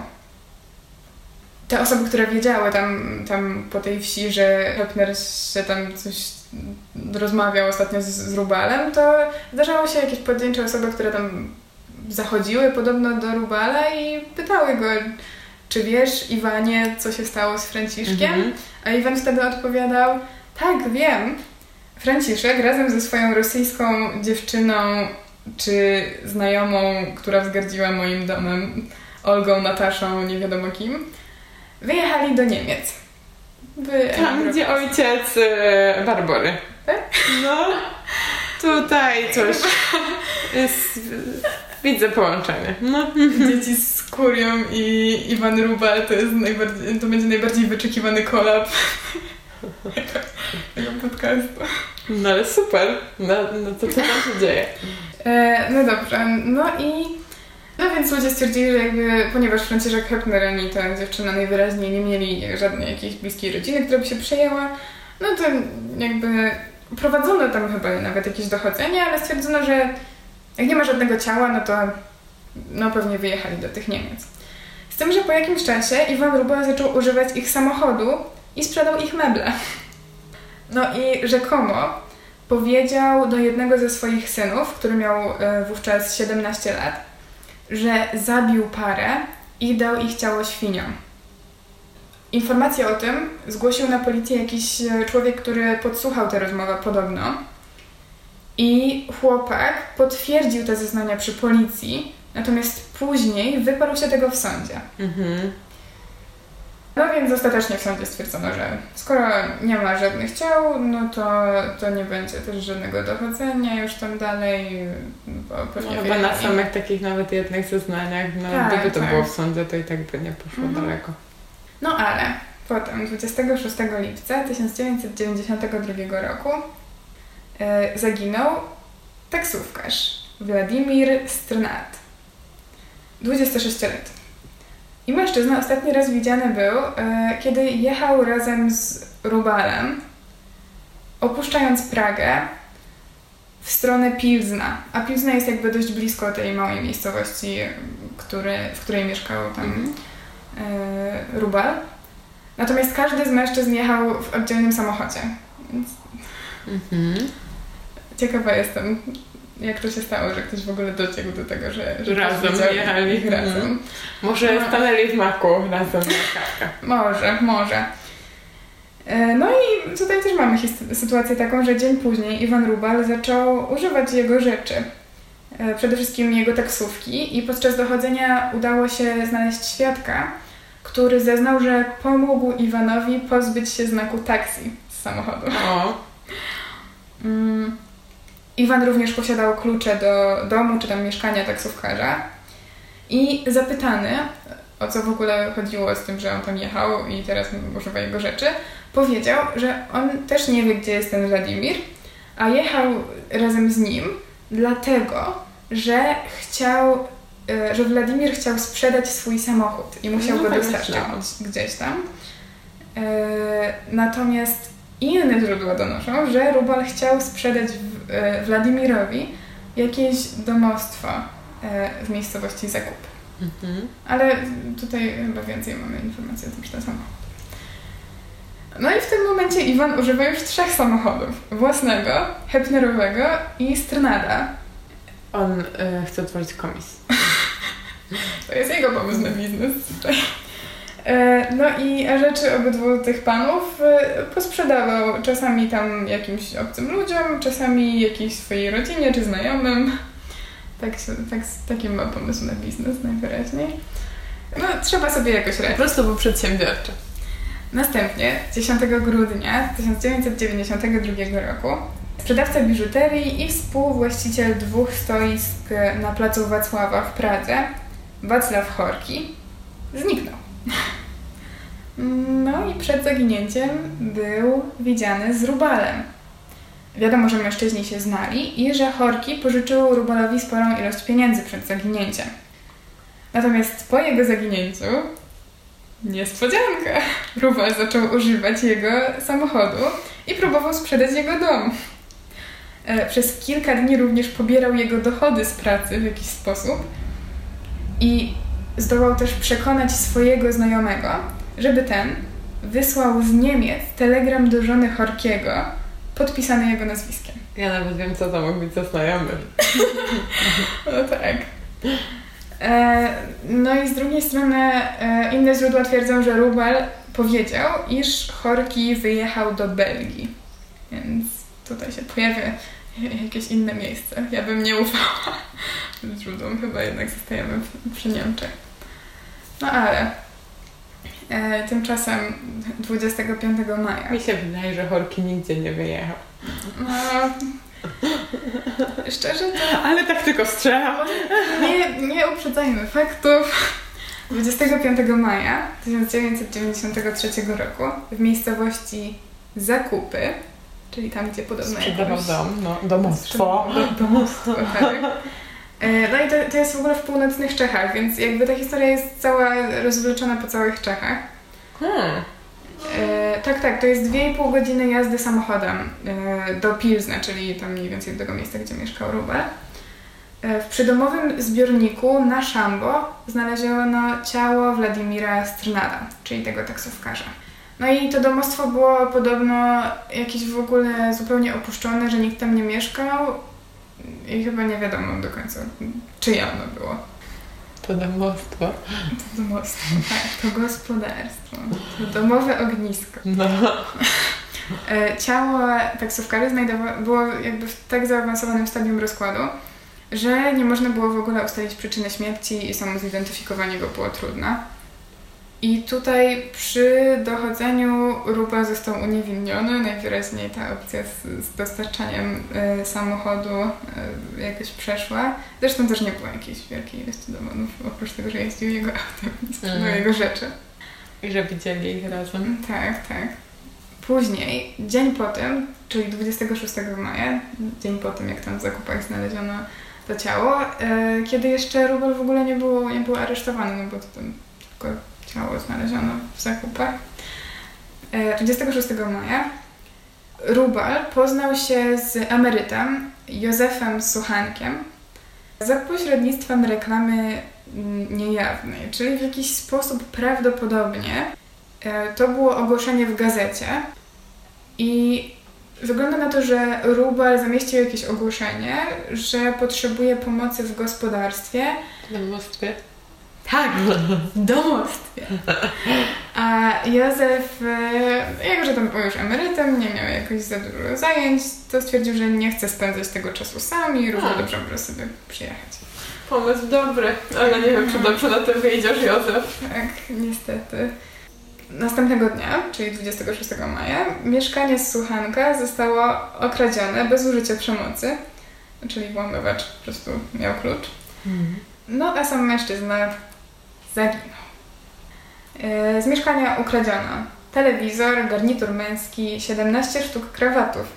Więc Józef Suchanek e, lubił do wyboru do koloru mieć krawaty. No i złodziej też. Tak, złodziej też, zdecydowanie. E, Odtwarzacz wideo, 32 kasety i książeczkę podróżną z depozytem, tam w wysokości ponad 2000 czeskich koron. Okazało się też, e, potem policja dowiedziała się, że e, w okresie od 27 do 31 maja trzykrotnie pobierano gotówkę, e, za każdym razem po 400 koron czeskich z konta Suchanka. No i osobą, która pobierała te pieniądze był Iwan Rubal, który też przy okazji okazywał dowód osobisty, jak pobierał te pieniądze. Rubal miał też oczywiście klucze do mieszkania Suchanka. No i rzeczy też e, tego mężczyzny później zdarzało się, że policja znajdowała u Rubala albo u jakichś osób z jego rodziny. Z tym, że sąd miał wątpliwości, czy to, czy to są aby na pewno te same rzeczy, czy po prostu są podobne. Okej. E, Znaleźli się także świadkowie, którzy widzieli ich razem przed zaginięciem mężczyzny. No i tutaj w zasadzie wiadomo, jakby, że oni się znali również. Ciało mężczyzny e, znaleziono 3 października 1993 roku podczas osuszania stawu chorusickiego w pobliżu miejscowości Weseli. To są południowe Czechy, dwie godziny drogi od Pilzna. Więc znowu. te samochody na coś mi się przydały. Ale komu? Przecież wszyscy gdzieś wyjeżdżają. Potrzebne samochody. No, no tylko mówię, że, że je, jeździli sobie na wakacje tutaj tej No. historii. E, No i ciało tutaj też było w stanie bardzo zaawansowanego rozkładu i ciężko było mm, orzec, co było przyczyną śmierci. W listopadzie 1993 roku Wacław Dluchi, czy jak to się tam czyta? Wacław, który był również mężczyzną dos- o dosyć sędziwym wieku, a zajmował się sprzedażą filmów pornograficznych i został on znaleziony martwy w swoim mieszkaniu w Pradze. Mężczyzna. O nie, trafił do Pragi. Rumpal już. No tak, tak. No, Ale już dobra. wcześniej wyjeżdżał z Pragi, więc już był w Pradze wcześniej. Ale to wtedy jak miał spokojne życie. A nie, wtedy jak taksówką. Ale to tylko tam jechał No tak, tylko przyjeżdżał. postrawunki. Pomaga. No, no i mężczyzna został em, związany metodą, którą być może już kojarzycie z naszego poprzedniego odcinka, bo jak dla mnie to było bardzo podobne wiązanie do tego wiązania Rebeki, o Mhm. której opowiadała Kinga ostatnio. To znaczy, to jest jakby taki sposób wiązania, którego używa się czasem na świniach, albo właśnie dawniej używano na ofiarach. Stąd też tutaj kolejne okultystyczne mm, wątki. No i nogi mężczyzny zostały związane razem. Tą samą liną utworzono też pętlę wokół szyi i związano nadgarstki, także jakby nadgarstki i nogi musiały być trzymane razem. A w sytuacji, w której e, ofiara, to był taki zupełnie śmiertelny węzeł, gdzie ofiara w momencie, w którym jakby opadała z sił i nie była w stanie trzymać nóg do góry, jej nogi naturalnie opadały w dół, to po prostu dusiła się. Kurczę. Tak. No i, i właśnie Kurczę, jestem strasznie ciekawa, czy u Rebeki to był ten sam, czy tylko podobnie wyglądający. No, bo jakby Ale pewnie by poznali, gdyby to był taki rodzaj węzła. Mm, Tak, ale w ogóle te typy węzłów, tam jest bardzo dużo różnych rodzajów, bo one zdarza się, że są używane właśnie w praktykach BDSM. I to wykorzystał również Iwan Rubal w momencie, kiedy jakby już w trakcie śledztwa i rozpraw obrona używała tego jako argumentu, że prawdopodobnie Wacław, który, który sam tam mamy jakieś przesłanki, że, że angażował się w praktyki sadomasochistyczne, e, że po prostu jego śmierć była wypadkiem. Okej. Czyli, że jakiś tam podduszan, fan, fan, fanek podduszanek. Tak, tak. E, rzekomo coś takiego e, miało miejsce, to znaczy przynajmniej obrona tak twierdziła przez jakiś czas. No i też rzekomo mógłby, mógłby w zasadzie za tym przemawiać fakt, że e, ciało mężczyzny było nagie i Kurde, no. tak, Mhm. i też w jakiś sposób ta lina, którą był związany, była też podwiązana do jego genitaliów. Mm. No, ale mamy tutaj też pewne cechy wspólne z, z poprzednimi sytuacjami, to znaczy również e, jego mieszkanie zostało okradzione. E, skradziono 400 kaset wideo, no, pewnie tych z filmami pornograficznymi, Mhm. bo jakie inne by tam były, i dwa odtwarzacze wideo. A co, to już nie mógł sobie normalnych filmów oglądać? No nie wiem, ale 400... nie wiem, może, może jakieś o północy w Paryżu.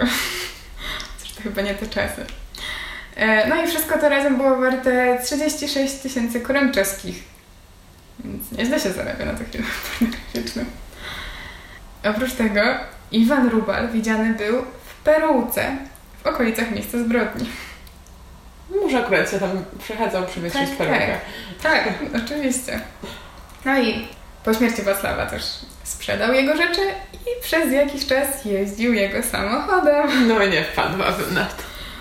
I teraz już e, mamy ten fragment tej zbrodni, w której Wszystko się przełom. tak. Ponieważ 8 marca 1994 roku wieczorem Rubal przybył do wypożyczalni samochodów Zapap, która znajdowała się, jakby biuro tej wypożyczalni było w piwnicy jednego z budynków w Pradze. Geniusz. Czy wpadł na to, że zabije właściciela wypożyczalni? ukradnie je wszystkie! Tak! Kurczę, Żeby jakby, plan. bo on może był zmartwiony, że tak dużo musi zabijać i po prostu... Chciał po prostu ograniczyć ofiary. Tak, chciał jedną, ale taką, co ma dużo samochodów. Kurczę, ej, nie myślałam o tym w ten sposób, ale może rzeczywiście. No, nie było Widzisz, jak to dobrze jest mieć siostrę, Tak. która spojrzy na zbrodnię. Zawsze jakieś nowe, po prostu świeże spojrzenie. E, No tylko, że niestety okazało się, że tutaj mm, nie było tylko jednej ofiary, mm, ponieważ jakby to biuro prowadzili Petr Ku, Kudrn, Peter Magdolen e, i jakby oni byli wspólnikami. No i na miejscu Iwan Rubel zastał też jakiegoś przypadkowego taksówkarza, który akurat tam był. To był Jiri Semerat. Mhm. Tak. No i razem z Iwanem na to biuro napadło również trzech innych mężczyzn. Byli oni uzbrojeni. A, czyli no bo tak. znajomych sobie sam z tym poradził. Już. Tak, tak, no, tak. ale dużo aut, no to dużo chętnych. Tak. I dużo mhm. ofiar niestety. Mhm. Ja nie wiem, czy to, czy to jakoś przy tym zakładaniu kultu sobie zgromadził tych trzech innych mężczyzn, czy co. Nie, bo, bo to jest dość enigmatyczne, jak on tam ten kult zakładał i na czym to polegało. No w każdym razie. E, mężczyźni byli uzbrojeni i związali tamtych, podobnie jak Wacława, z tym, że podobno użyli do tego jakichś kabli, ale to nie ma w zasadzie większego znaczenia tutaj. E, następnie przeszukali i obrabowali biuro. Potem, najprawdopodobniej, Rubal kazał trzem swoim towarzyszom opuścić miejsce zbrodni. I mamy takie przesłanki, żeby sądzić, że on sam dopiero jakoś pozmieniał te wiązania tak, żeby mężczyźni się udusili. Że, że tam ci trzej podo- pierwsi A, tylko związali niby... ich okay, tak, okay. W zasadzie nie wiemy zbyt dużo o tych trzech innych napastnikach. No ale w każdym razie niestety i Kudrn i Magdolen, czyli dwójka, która jakby prowadziła te wypożyczalnie, oni nie przeżyli tego. Natomiast Samerat zdołał uwolnić się po tym, jak zostali tam pozostawieni i wezwać policję. Super. I wreszcie, 30 marca, Iwan Rubal został aresztowany. E, wiadomo tutaj też, że on znał swoje ofiary, ponieważ 14 miesięcy przed tym podwójnym morderstwem, podczas jakiejś bożonarodzeniowej sprzedaży na placu Wacława, gdzie sobie wypatrzył inną ofiarę. Tak, pokłócił się z tymi mężczyznami. Nie wiadomo do końca o co, ale podobno za zaczął być po prostu agresywny. I e, podczas, e, w pewnym momencie chyba któryś z tych mężczyzn e, spryskał go gazem pieprzowym. O. I podczas tego incydentu Rubel upadł na ziemię i wybił sobie ząb. O, biedny. Tak. tak. Ponadto Rubel wiedział też, że oboje ci mężczyźni znali Wacława Horkiego, czyli tego sprzedawcę biżuterii z, z placu Wacława. Aha. Tak, w Pradze wszystko się łączy, jednak wszyscy się znają w Czechach. E, no i drogi prowadzą do Pragi. Tak, tutaj tak. I Petr Kudrna po zaginięciu właśnie Wacława zgłosił się na policję i zgłosił tam swoje podejrzenia, że to Rubal może być odpowiedzialny za to zaginięcie Wacława. Jak policja go posłuchała, to może zapobiegłaby jego śmierci? Tak, być, być może.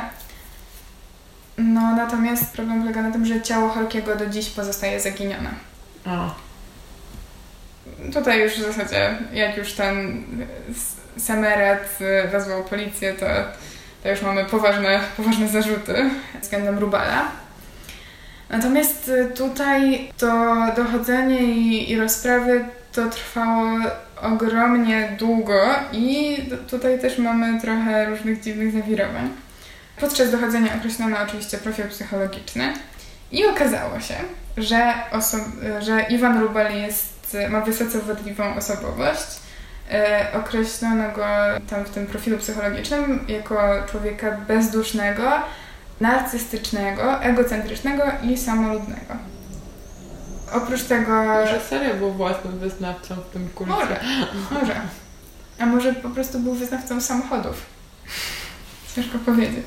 A może po prostu y, przywódca kultu musi jeździć dobrą furą i wtedy... No tak. Trzeba jednak... Nie byłby pierwszy. Trzeba wyznaczyć jakieś standardy. Tak. E, no i też według profilu psychologicznego Rubal gardził ludźmi i największą wartość w życiu dla niego stanowiły pieniądze i jakieś obiekty materialne. E, dążąc do osiągnięcia bogactwa, potrafił być bezwzględny, brutalny, zdolny do agresji i okrucieństwa. Jednak w sytuacjach, e, które tego wymagały, potrafił się dobrze kontrolować. Jego iloraz inteligencji wynosi 112 i jest to nieco powyżej średniej. I przy tym eksperci doszli do e, wniosku, że obiektywnie jego możliwości resocjalizacji są bardzo ograniczone.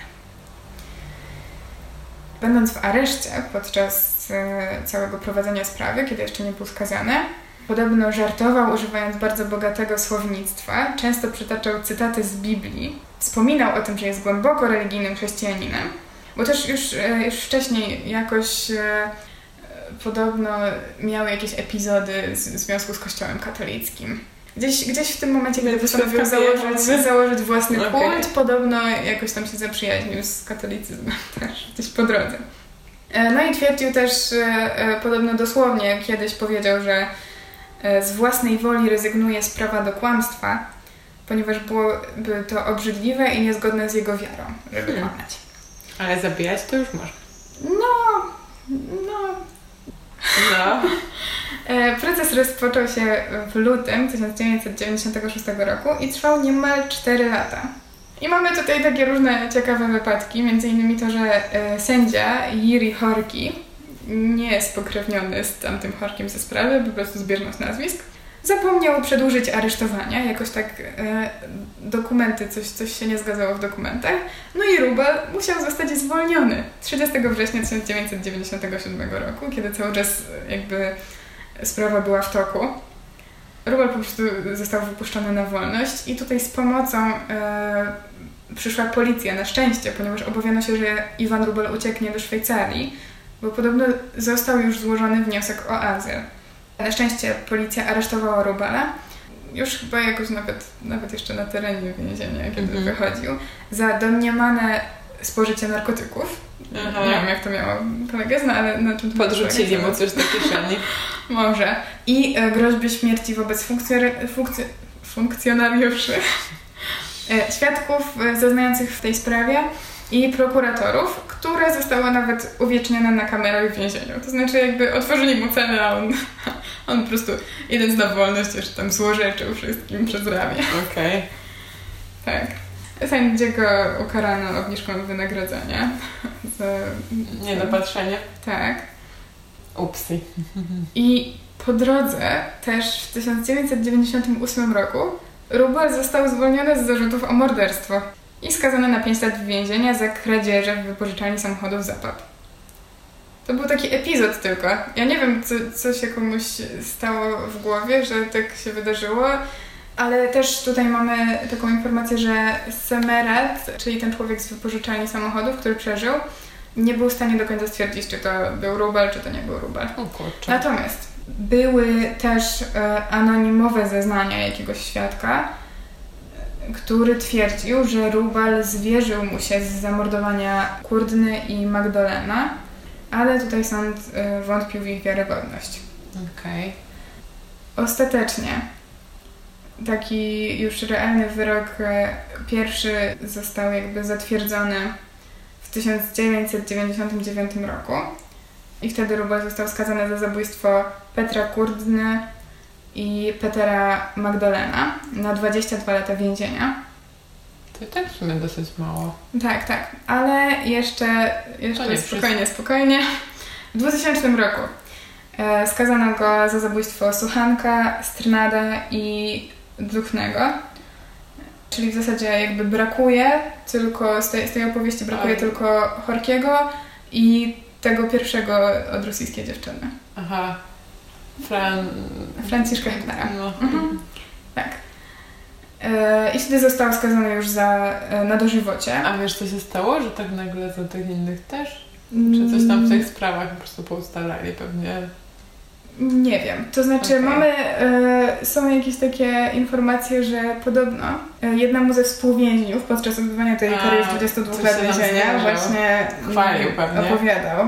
Tak, o tym, że o tym jak zamordował Suchanka. Okay. E, I tam mówił coś w rodzaju, że to jest już stary człowiek i że on nie potrzebuje swoich pieniędzy, a on sobie tam się chętnie jego samochodem i tak dalej.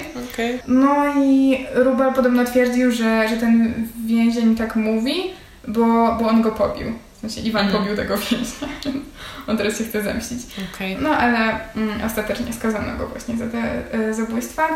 I e, przy okazji też sąd orzekł, że jakby na obecną chwilę nie są w stanie stwierdzić, czy e, Horki, Hepner i ta Rosjanka zostali również zamordowani przez, przez Rubala.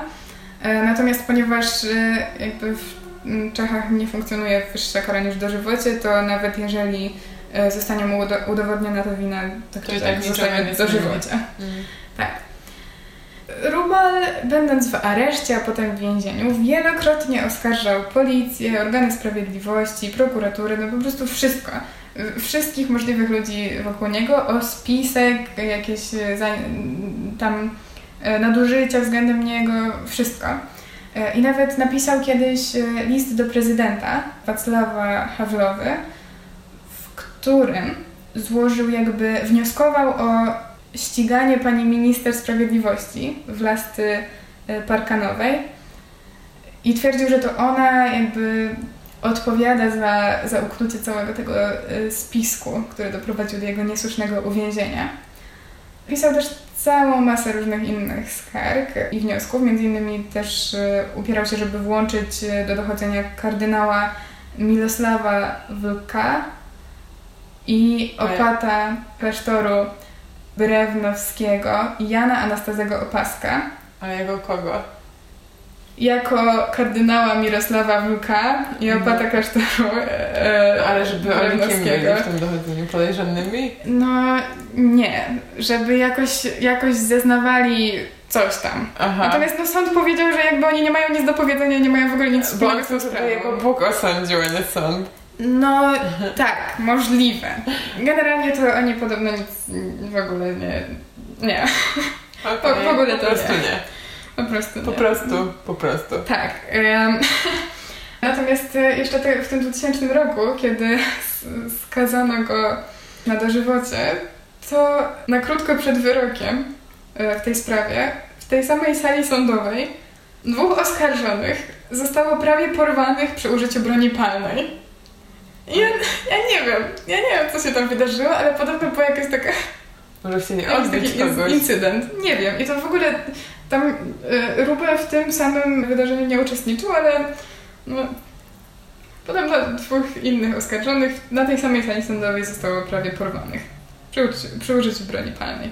Oprócz tego, jeszcze, jeszcze tego samego dnia praktycznie, pewnie jakieś kilkadziesiąt minut po te, tej próbie porwania albo godzin, ewentualnie kil, kilka, w jakby ostatnim przemówieniu, z tego co podają źródła, nie wiem, czy ktoś tutaj nie dramatyzuje trochę, ale no, wygląda na to, że prokurator, e, który e, właśnie e, walczył o, o wolność Rubala, przekazał anonimową informację, że w sądzie znajduje się ładunek wybuchowy.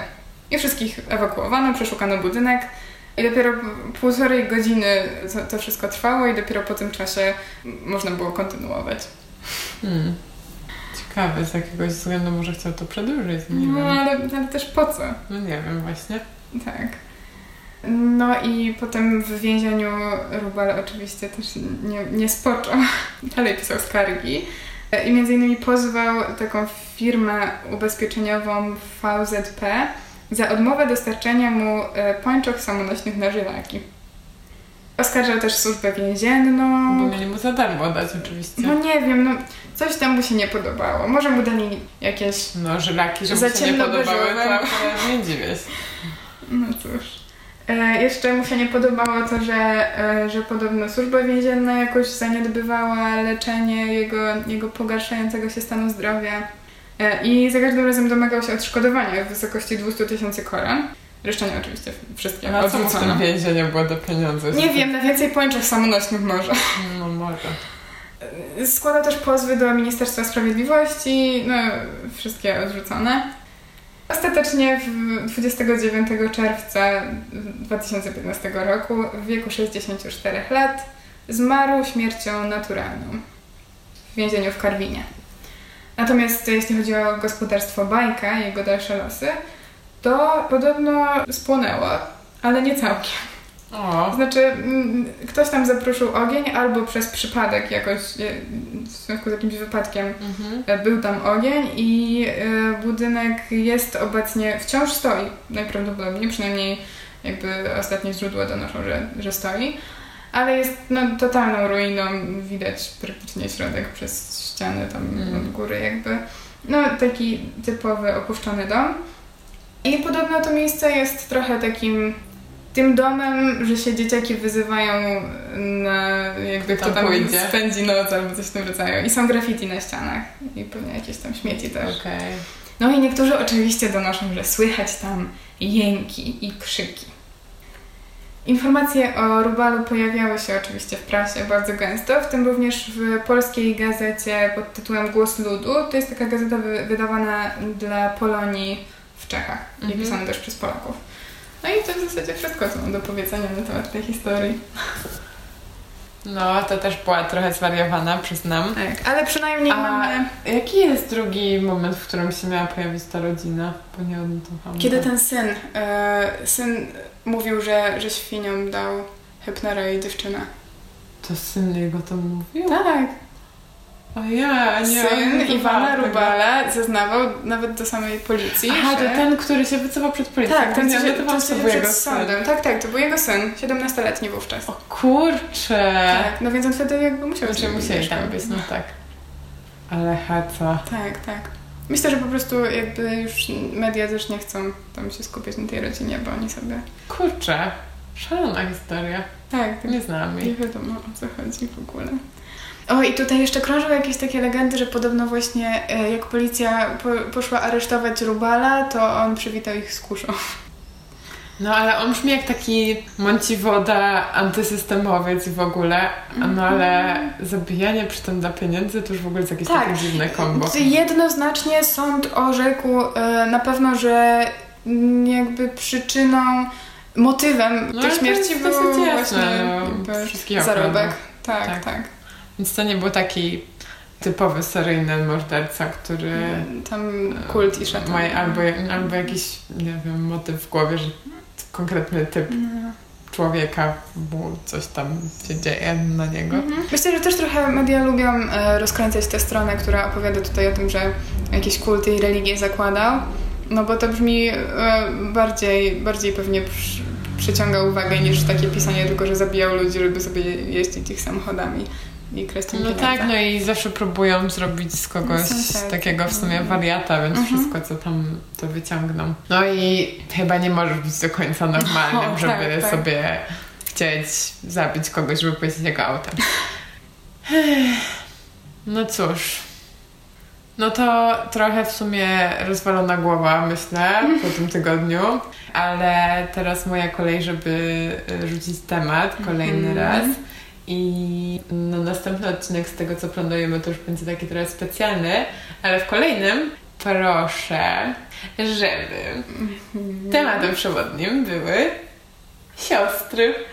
O, dobra, nie spodziewałam się tego. E, bo w sumie tak sobie pomyślałam, że w każdej z moich dotychczasowych historii były jakieś siostry, no bo najpierw siostry Więc jak już Romano i wyczerpałaś wszystkie pomysł, pomysły na, na zbrodnie z siostrami, to teraz już temat. Nie, a w drugiej były siostry Mauerowe, Mhm. e, ale jakoś tak po prostu... No nie wiem, w Siostry- sumie my jesteśmy siostrami i Tak. dlatego po prostu zróbmy. Siostry są wszędzie. Siostry są spoko, Tak. ale nie jakieś mordercze siostry, co może któraś z nas wymyśli. Dobra, nieważne, nie, wiem, nie wiadomo co będzie, no ale myślę, że sióstr jest sporo, więc Tak. coś, coś znajdziesz. No dobra, to dzięki. Mhm. Udanego Czegokolwiek. tak, dnia, wieczora, weekendu, tygodnia, udanego Życia. życia. Z całego serca tego życzymy. Tak, wesołych świąt. No właśnie, nie no, skończmy jakąś właśnie pozytywną nutą i Baki już tu do was macha. Tak. Obczajcie go na Instagramie, bo jest naprawdę słodki. Dobra, Do usłyszenia. cześć.